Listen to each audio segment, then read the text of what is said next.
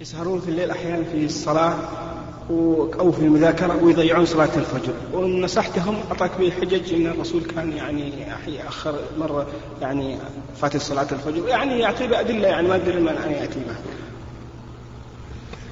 هذا غلط أن يعني من الغلط أن الإنسان يبقى ساهرا في الليل بتهجد أو بمراجعة علم ثم ينام عن صلاة الفجر. هذا غلط عظيم.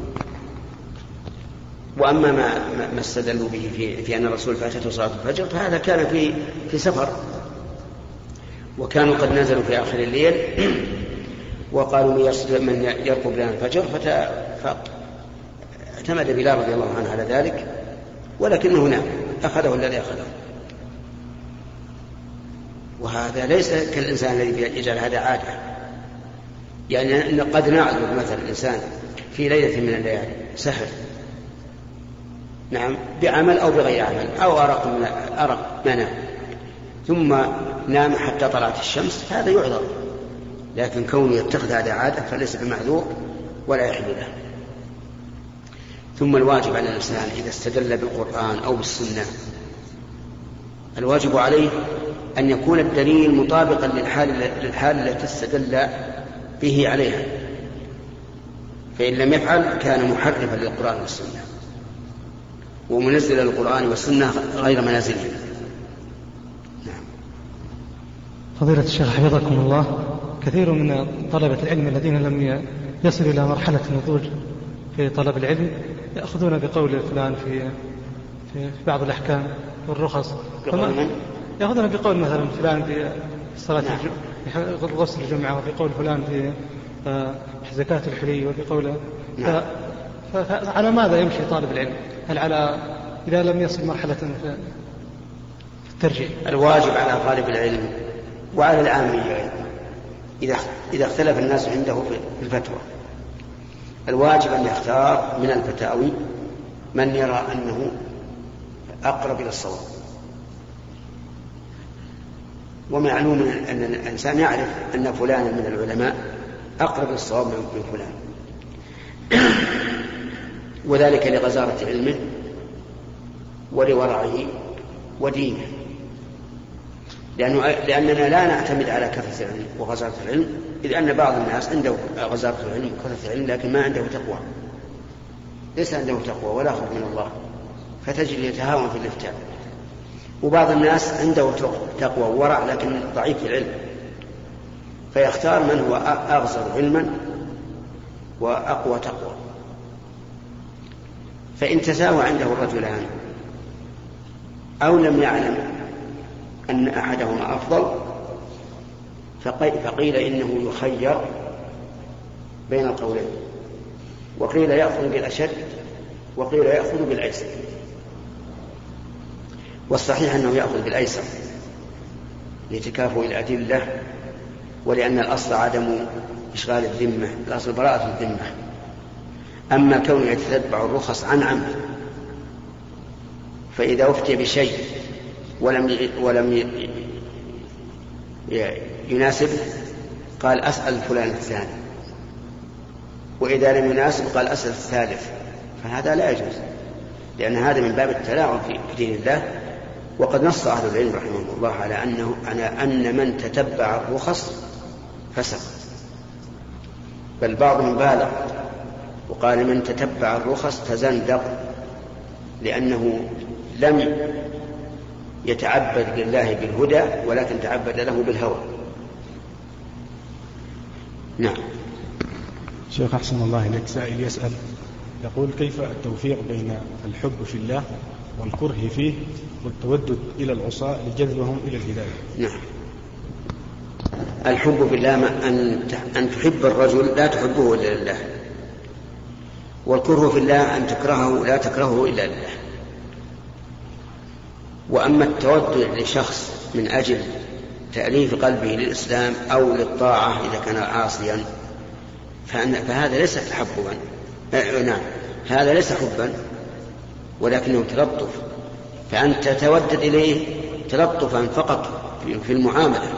أما قلبك فيكرهه ويكره ما, ما عليه من المعاصي. فهذا هو الفرق. الحب في الله قلبك يحبه وأما التودد لشخص من أجل أن نحمله على التقوى إن كان عاصيا أو على الإسلام إن كان كافرا فهذا ليس حبا له ولكن حب لما ندعوه إليه مع كراهتنا لعمله وكفره. نعم. عفى الله عنك شيخ. أه الأمر في قوله صلى الله عليه وسلم مروا أبناءكم بالصلاة وهم أبناء سبع سنين. الحديث هل الأمر هذا يقتضي الوجوب؟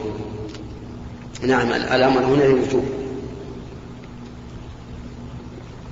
أولا لأنه أمر والأصل في أوامر الله ورسوله الوجوب. وثانيا لأنه من باب من باب الرعاية وحسن الولاية. ومعلوم أن الولي على شيء يجب عليه أن يفعل ما هو أنفع وأصلح. فالأمر للوجوب. وكذلك قوله اضربوهم عليه العشر الأمر للوجوب. لكن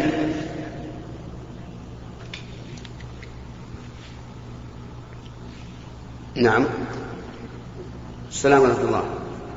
هلا استغفر الخير. نعم. على ما قلنا في الخطبة إنه يوم عاشر هو يوم الجمعة إلا إذا ثبت دخول الشهر. ما ثبت. قالوا للطلبة أمس إنهم سامعين في الإذاعة إنه ثابت وقالوا لبعض أيضا من من طلبة العلم عن واحد قال عبد الله السعد عن عبد الله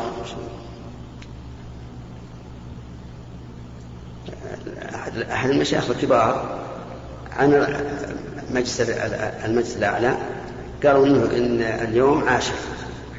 فهمت؟ وكذلك خالد المزيني قال لي إنه اتصل بالمجلس الأعلى للقضاء وسألهم وقالوا إن اليوم عاشر. فهمت؟ فأنا قلت للطلبة إذا ثبت ما فما ثبت مقدم على إكمال الثلاثين. وإلا فالمشروع أن يكمل ثلاثين. قال اليوم تسعة وباسات أي وترى في الجرائد اليوم عن الشيخ عبد العزيز بن باز ان باكر عشرة. وفيكم. نعم. إيه. إيه. اي نعم. آه، شيء قلنا؟ إيه. نعم. آه، أما اضربوهم عليه العشر فهو أيضا واجب لكن يقيد بما إذا كان الضرب نافع. لأنه أحيانا تضرب الصبي ولكن ما ينتفع بالضرب. ما يزداد إلا صياحا ووعيلا ولا يستفيد. ثم إن المراد بالضرب الضرب غير المبرر ضرب السهل الذي يحصل به الإصلاح ولا يحصل به ضرر نعم. يجب صلاة الفجر عاد هذه مسألة صلاة الفجر قد يقال أنها فيها كلافة لا سيما في أيام الشتاء. وأنه ما دام لم يكلف ولم يوجب عليه لم يجب على الصبي فإنه يسقط عن الولي. يعني أمر أمر بتشديد صلاة الظهر والعصر. نعم نعم الأمر حتى يفعل. الشيخ ما معنى قوله صلى الله عليه وسلم كل غلام مرتهم بعقيقته نعم آه، معنى قوله صلى الله عليه وسلم كل غلام مرتهن بعقيقته أن الغلام محبوس عن الشفاعة, عن الشفاعة لولديه يوم القيامة. إذا لم يعق عنه أبوه.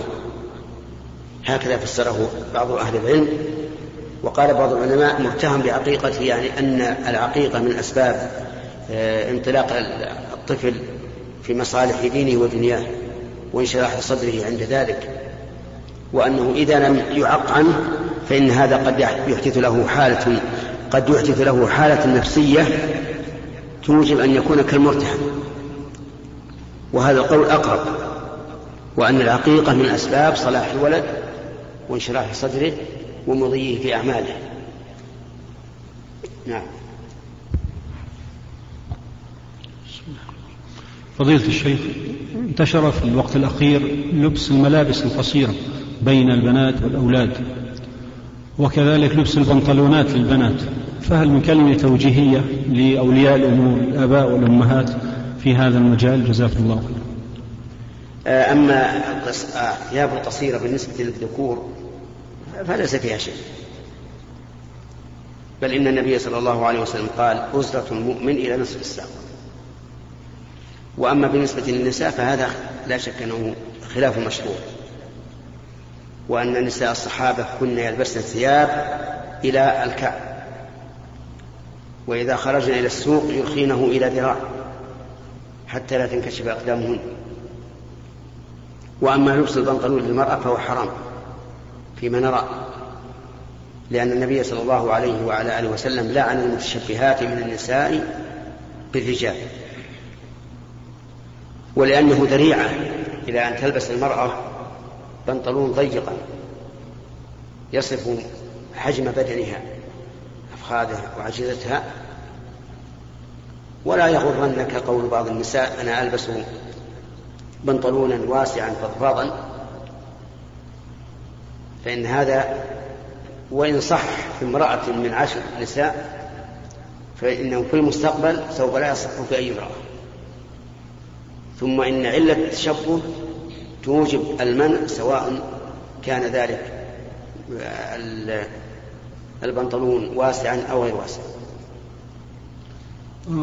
والعجب أن بعض النساء يقولن إن هذا هو رغبة الزوج.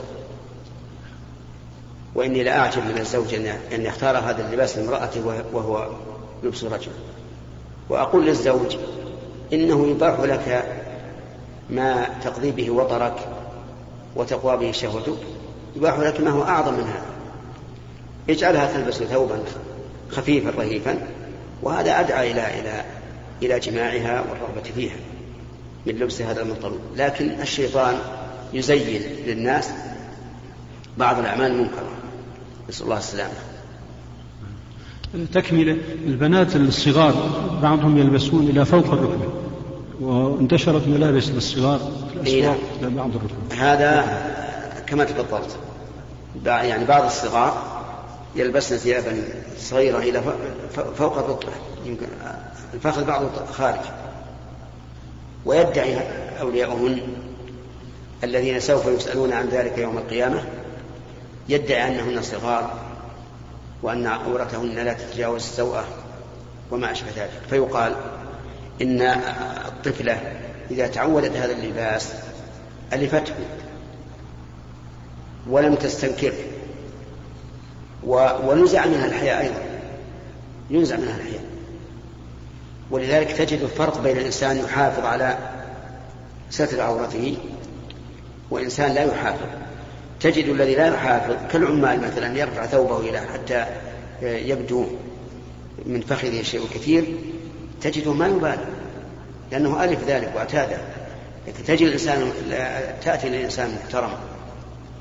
لا تجده يسمح لنفسه أن يرفع ثوبه إلى أن يبدو فخذه اللهم إلا إلا لحاجة لا بد منها فهذا شيء آخر. فالحاصل أننا نقول حتى الصبيان لا لا يلبسون هذا.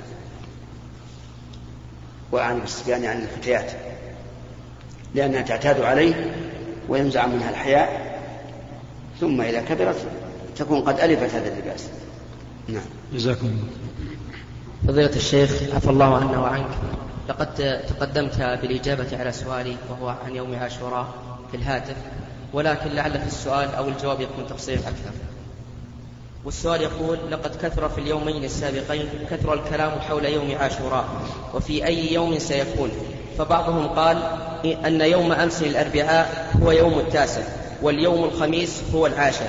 وبعضهم قال أن يوم الأربعاء هو يوم الثامن واليوم الخميس هو التاسع. وقد سمعنا أنك بعد صلاة فجر يوم أمس الأربعاء أخبرت المصلين في المسجد أن اليوم يوم التاسع وهو يوم الأربعاء.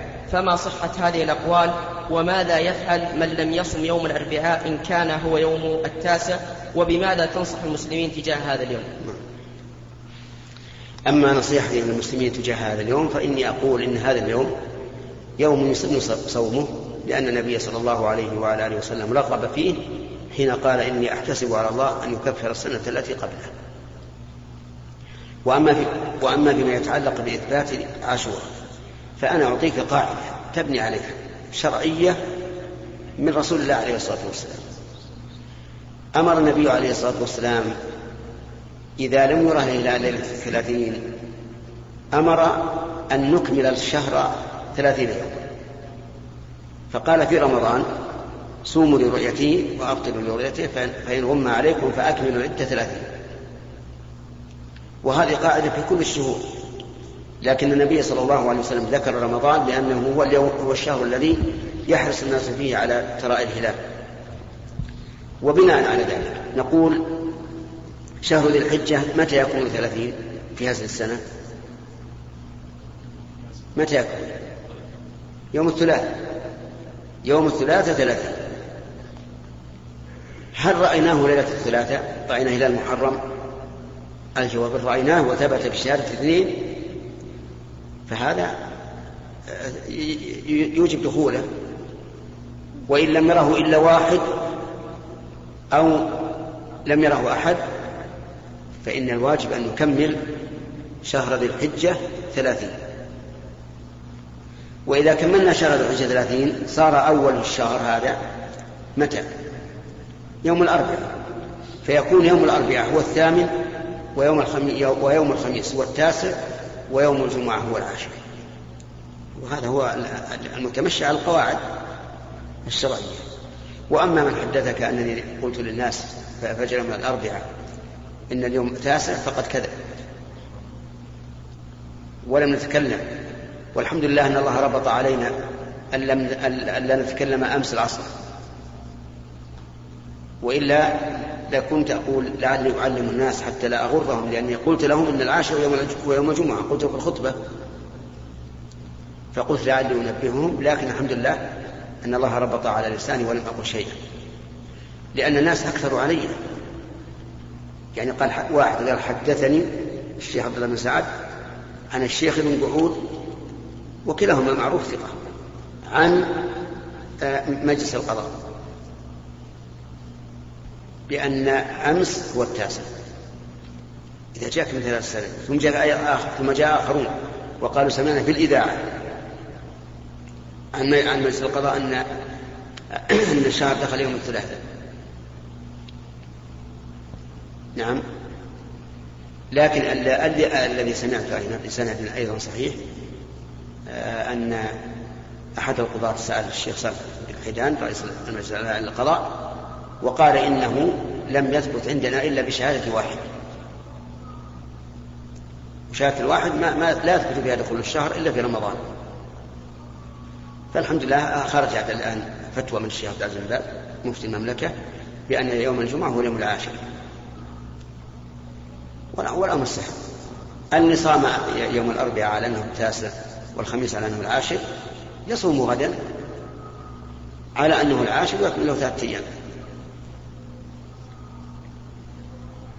عرفت؟ ثم أيضا يعني لا تصدقوا كل ما ينقل عن العلماء. ترى ينقل عن العلماء أشياء شيء بالرأس. ما له أصل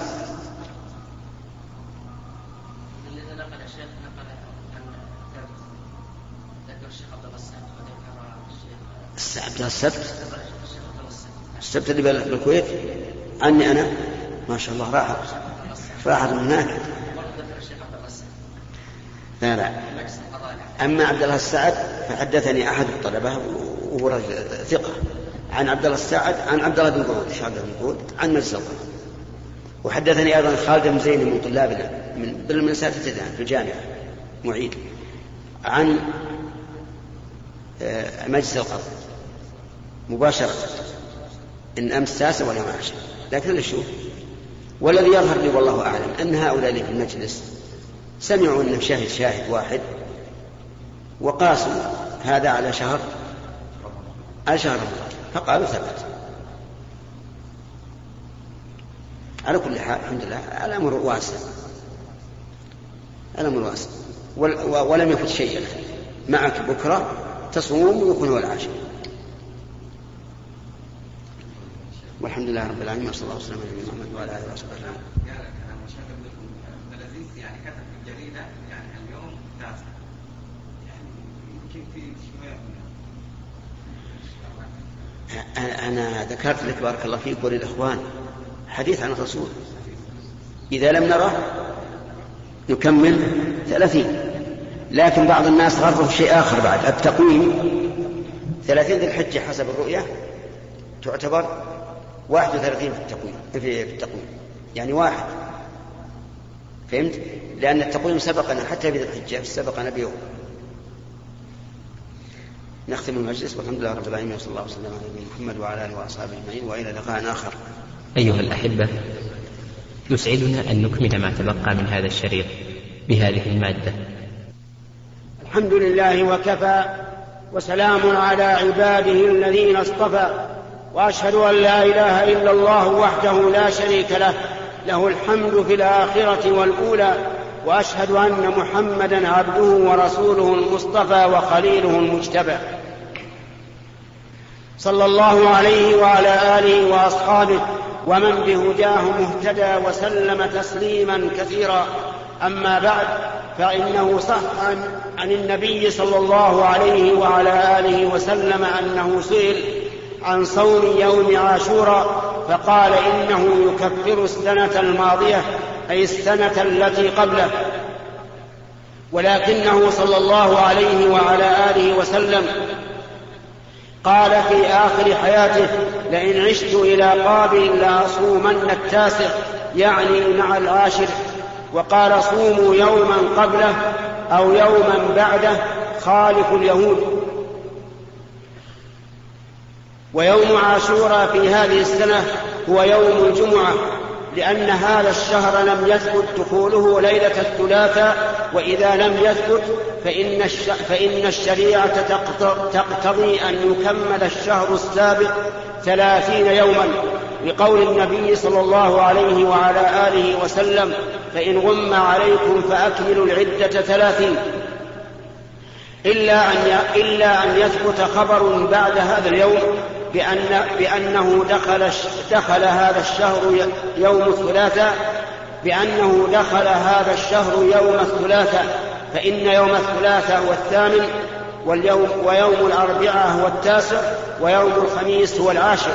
لكننا نبقى على تكميل شهر ذي الحجة ثلاثين فيكون يوم الأربعاء هو اليوم الثامن ويوم الخميس هو اليوم التاسع ويوم الجمعة هو اليوم العاشر. وصوم يوم عاشوراء يكون على أربعة أوجه. الوجه الأول أن يصوم العاشر وحده فهذا سنة ولكن بعض العلماء كره أن يفرد وحده وقال لا بد أن يصام يوما قبل قبله أو يوم بعده. الحال الثانية أن يصام اليوم التاسع واليوم العاشر واليوم الحادي عشر وهذا أفضل الأحوال. الحال الثالثة أن يصام اليوم التاسع واليوم العاشر وهذا دون المرتبة الأولى. الوجه الرابع أن يصام اليوم العاشر واليوم الحادي عشر وهذا دون الوجه الثاني.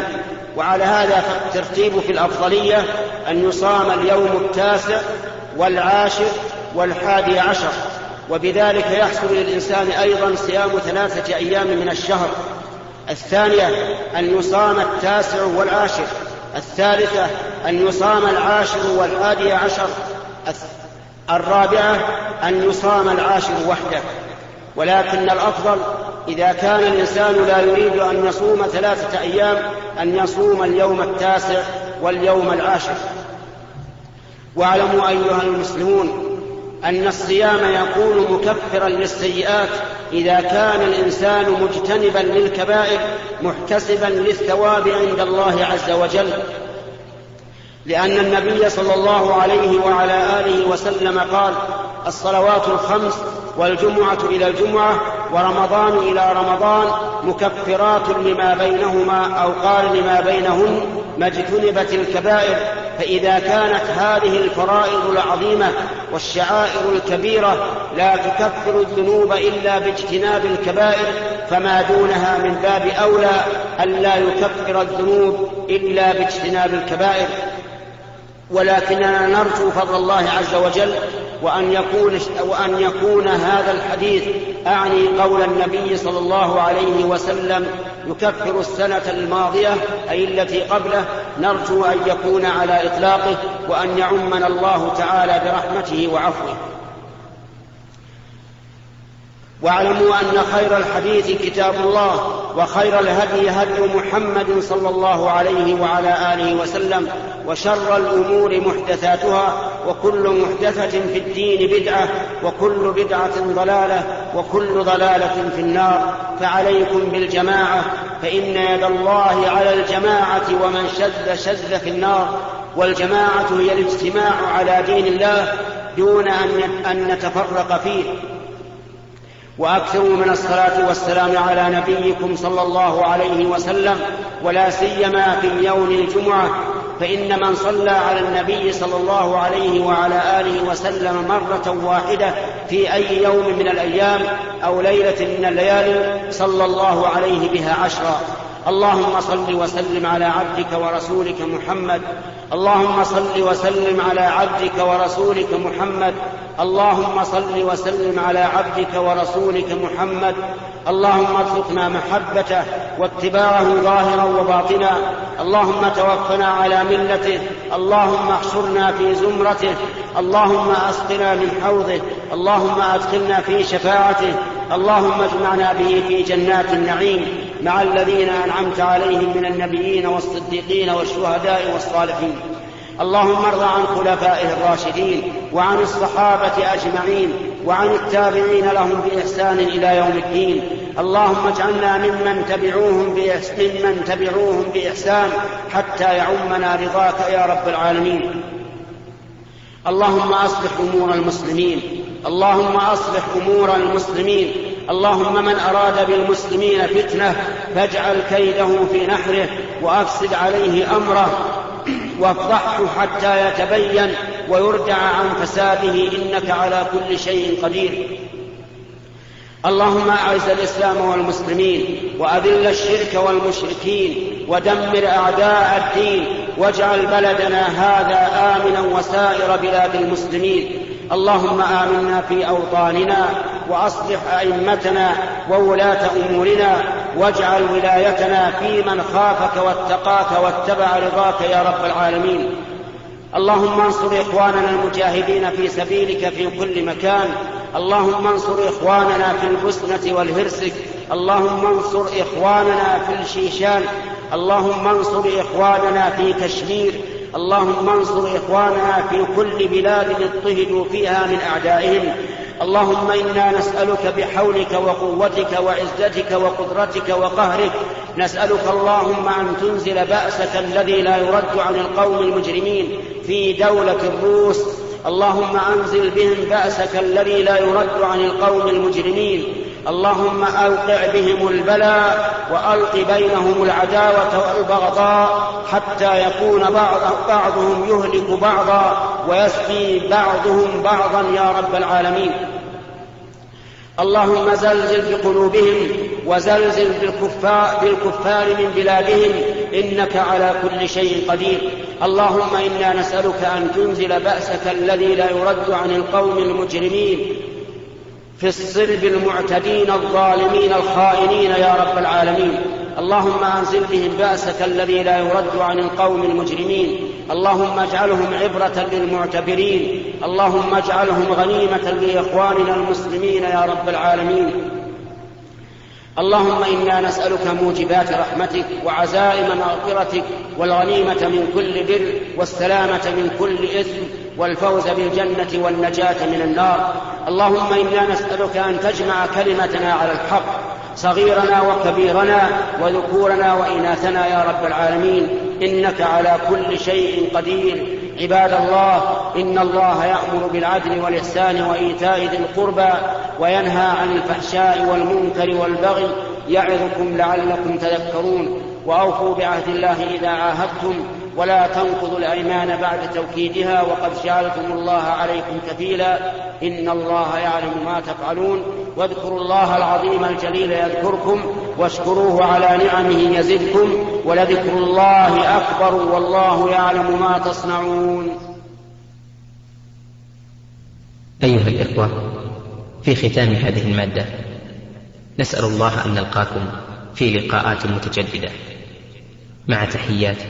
مؤسسة الاستقامة الإسلامية للإنتاج والتوزيع في عنيزة.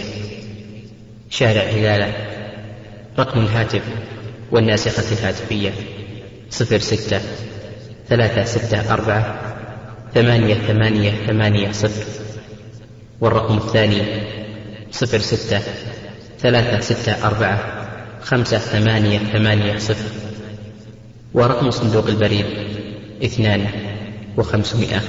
وألف.